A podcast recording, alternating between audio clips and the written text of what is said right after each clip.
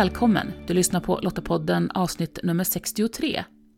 I den här podden samtalar vi om ämnen som rör mänskliga rättigheter och demokrati med fokus på kvinnors delaktighet. Och det gör jag, Maria Öst, tillsammans med personer som på olika sätt arbetar för att skapa ett säkrare och tryggare samhälle. Lottapodden är producerad av Svenska Lottakåren och vi är en frivillig försvarsorganisation som engagerar och utbildar kvinnor för att stärka samhällets krisberedskap och totalförsvaret.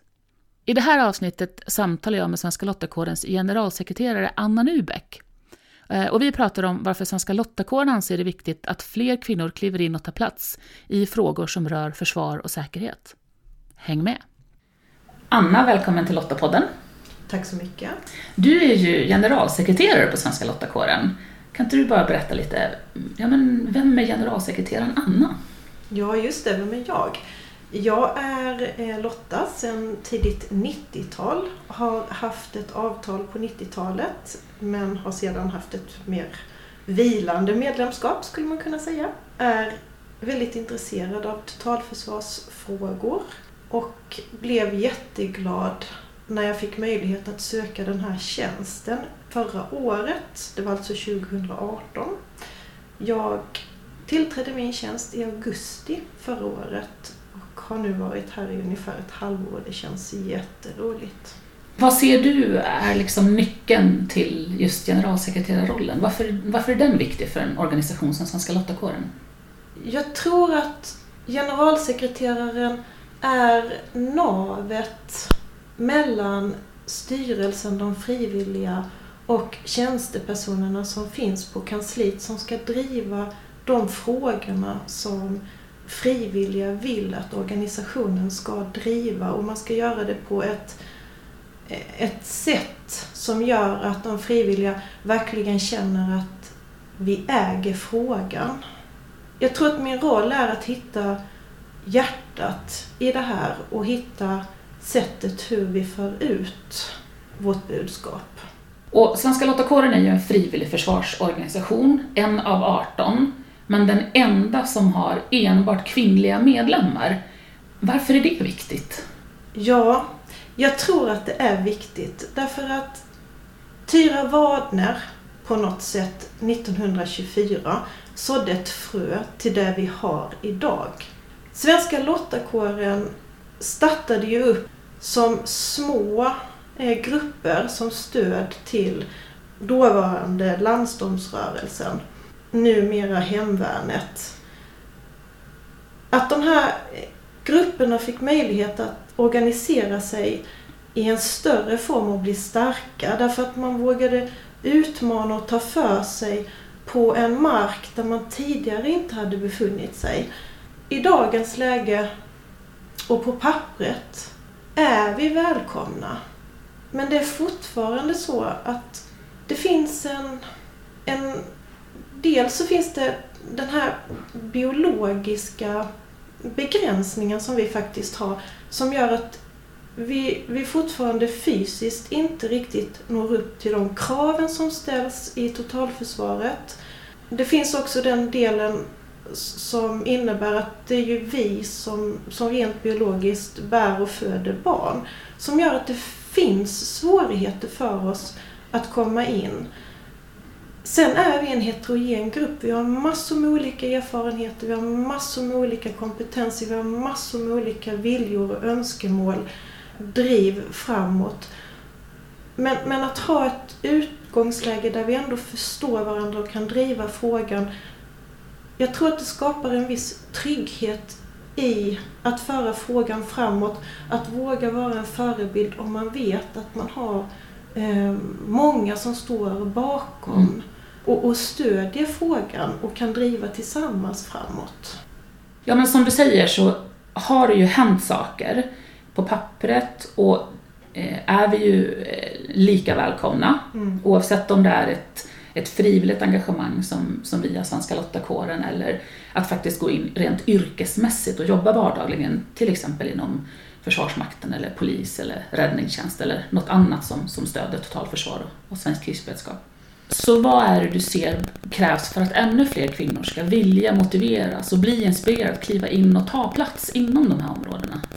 Jag tror dels tror jag att det är fortfarande så att man måste våga vara pionjär. Och det är jädrigt jobbigt att vara pionjär. Men jag tror fortfarande att vi är det i mångt och mycket. Och att när vi väl är inne i våra befattningar, då våga föra vår talan och hjälpas åt att verkligen lyfta upp och se till så att fler kvinnor vågar komma med och vågar ta plats. Därför att jag tror att det finns väldigt många som faktiskt egentligen vill. Vi ser mm. det när det är frivilliginsatser, stora kriser som händer. Det är väldigt många. Representativiteten är mycket större i de sammanhangen än vad de är när det är eh, en kontinuerlig verksamhet. Att se till att representativiteten är samma när det är den kontinuerliga verksamheten i frivilligbefattningar, att se till så att, så att man vågar ta steget. Jag tror inte det är något, något enkelt arbete. Jag tror att det kräver jättemycket. Mm. För vi är ju fortfarande minoritet ja. I, försvars och säkerhetsfrågor. Vi kan, det är bara att slå på TVn och titta på debatter eller intervjuer eller eh, titta på statistik över, eh, över yrken som har med området att göra till exempel.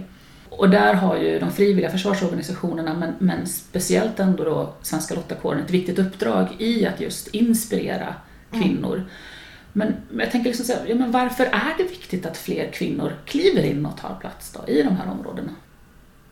Ju fler som är och finns representerade, desto mer öppet blir det och desto, desto större chans är det att vi alla äger frågan till slut. För att det är ju faktiskt så att vi alla måste äga den här frågan. Den är så pass viktig.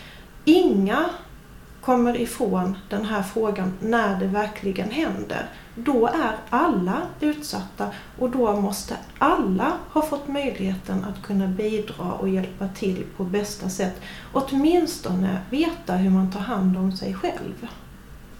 Och så tänker jag då att Svenska Lottakårens arbete med att just motivera och inspirera fler kvinnor att vilja göra en insats inom försvars och säkerhetsområdet går ju tillbaks till 1924, så lång historia. Men framåt då? Vad behöver organisationen göra? Vad behöver samhället göra för att fler ska vilja kliva in? Jag tror att vi måste i vår organisation, Svenska Lottakåren, vi behöver visa förebilder. Vi måste visa att det här kan vi. Det här är inte bara roligt. Det, det är väldigt viktigt för oss också att vi gör det. Samhället tror jag behöver tänka lite annorlunda. Jag tror att man kanske behöver titta på vilka material som används i, i totalförsvaret. Det kanske är för tunga vattenslangar. Eh, måste man använda den typen av vapen man använder? Kan ryggsäckar göras i annat material? Finns det saker som kan justeras så att den tyngden eller det som gör att man måste ha en viss fysik kan underlättas? Jag tror att man också måste öppna upp ännu mer än vad man gör. Jag tror att det fortfarande råder en viss jargong ute i de olika yrkesgrupperna. Därför att så blir det ju oftast mm. när det är bara ett kön som är representerat. Det är svårt att ta sig in som ett annat kön mm. helt enkelt. Så där måste samhället hjälpa till och mm. öppna upp ännu mer. Men därmed inte sagt tycker jag att man någonsin ska rucka på kompetens eller kunskap eh, och att förmå utföra de sysslor som ska utföras. Och när jag tänker tillbaks på hur, hur det har arbetats med just de här frågorna, med, om, man, om man kopplar det till FNs resolutioner om kvinnor, fred och säkerhet, som ju också trycker på, på vikten av att kvinnor är delaktiga i, i, i fredsprocesser och när avtal efter en konflikt eller krig till exempel skrivs, just för att få med de här perspektiven som du pratar om. Mm så har vi ju ofta, upplever jag, pratat om internationella insatser. Mm. Men jag tänker att det borde väl vara egentligen samma vikt att prata om det när vi pratar här hemma. Eh, naturligtvis finns det kanske en aspekt i vardagen, men speciellt om det kommer en, så att vi hamnar i en, en stor eh, omfattande kris eller som vi verkligen inte hoppas, ett krig. Mm. Då är vi ju någonstans här på hemmaplan. Ja, jag håller med. Det är jätteviktigt att vi finns representerade även, interna- äh, även nationellt. Förlåt. Och att, att kvinnors perspektiv också tas med i de besluten som tas.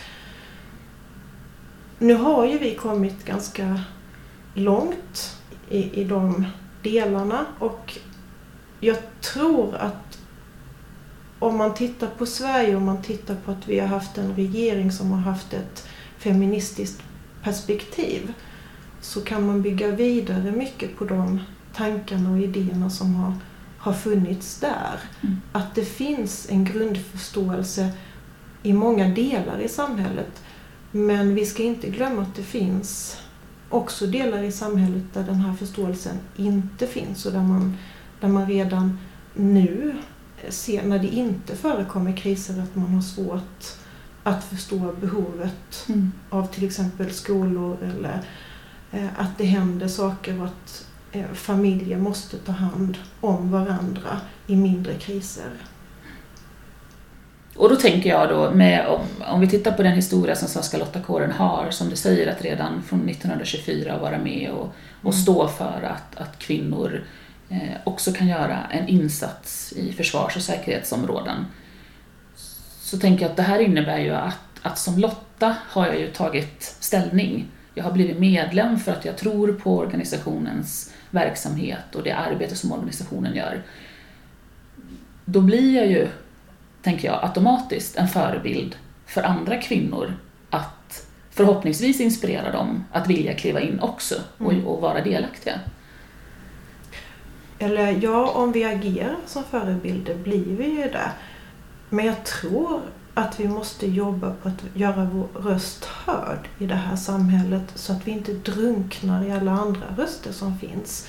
Så självklart måste vi jobba för att vi ska synas och höras och visa att vi faktiskt har tagit ställning för någonting och att vi vågar. Och det går väl tillbaka lite grann till att vara pionjär, tänker jag.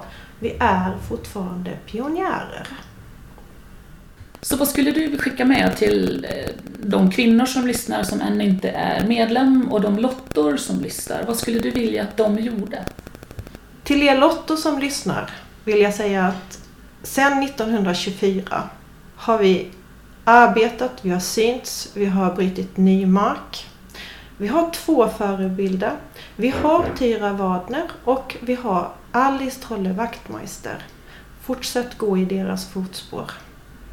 Till er som inte är lottor säger jag välkommen in i gemenskapen. För var man än vänder sig i den här organisationen och frågar varför är du Lotta? Så svarar man gemenskapen. Och det är det som är det fina med den här organisationen, tycker jag. Ja, verkligen. Välkommen till gemenskapen. Jag har själv varit Lotta i snart 25 år och ibland får jag nypa mig själv för att förstå alla de fantastiska möjligheter jag har fått på grund av mitt engagemang. Både möjligheten att prova nya saker, men även förtroendet att leda och driva.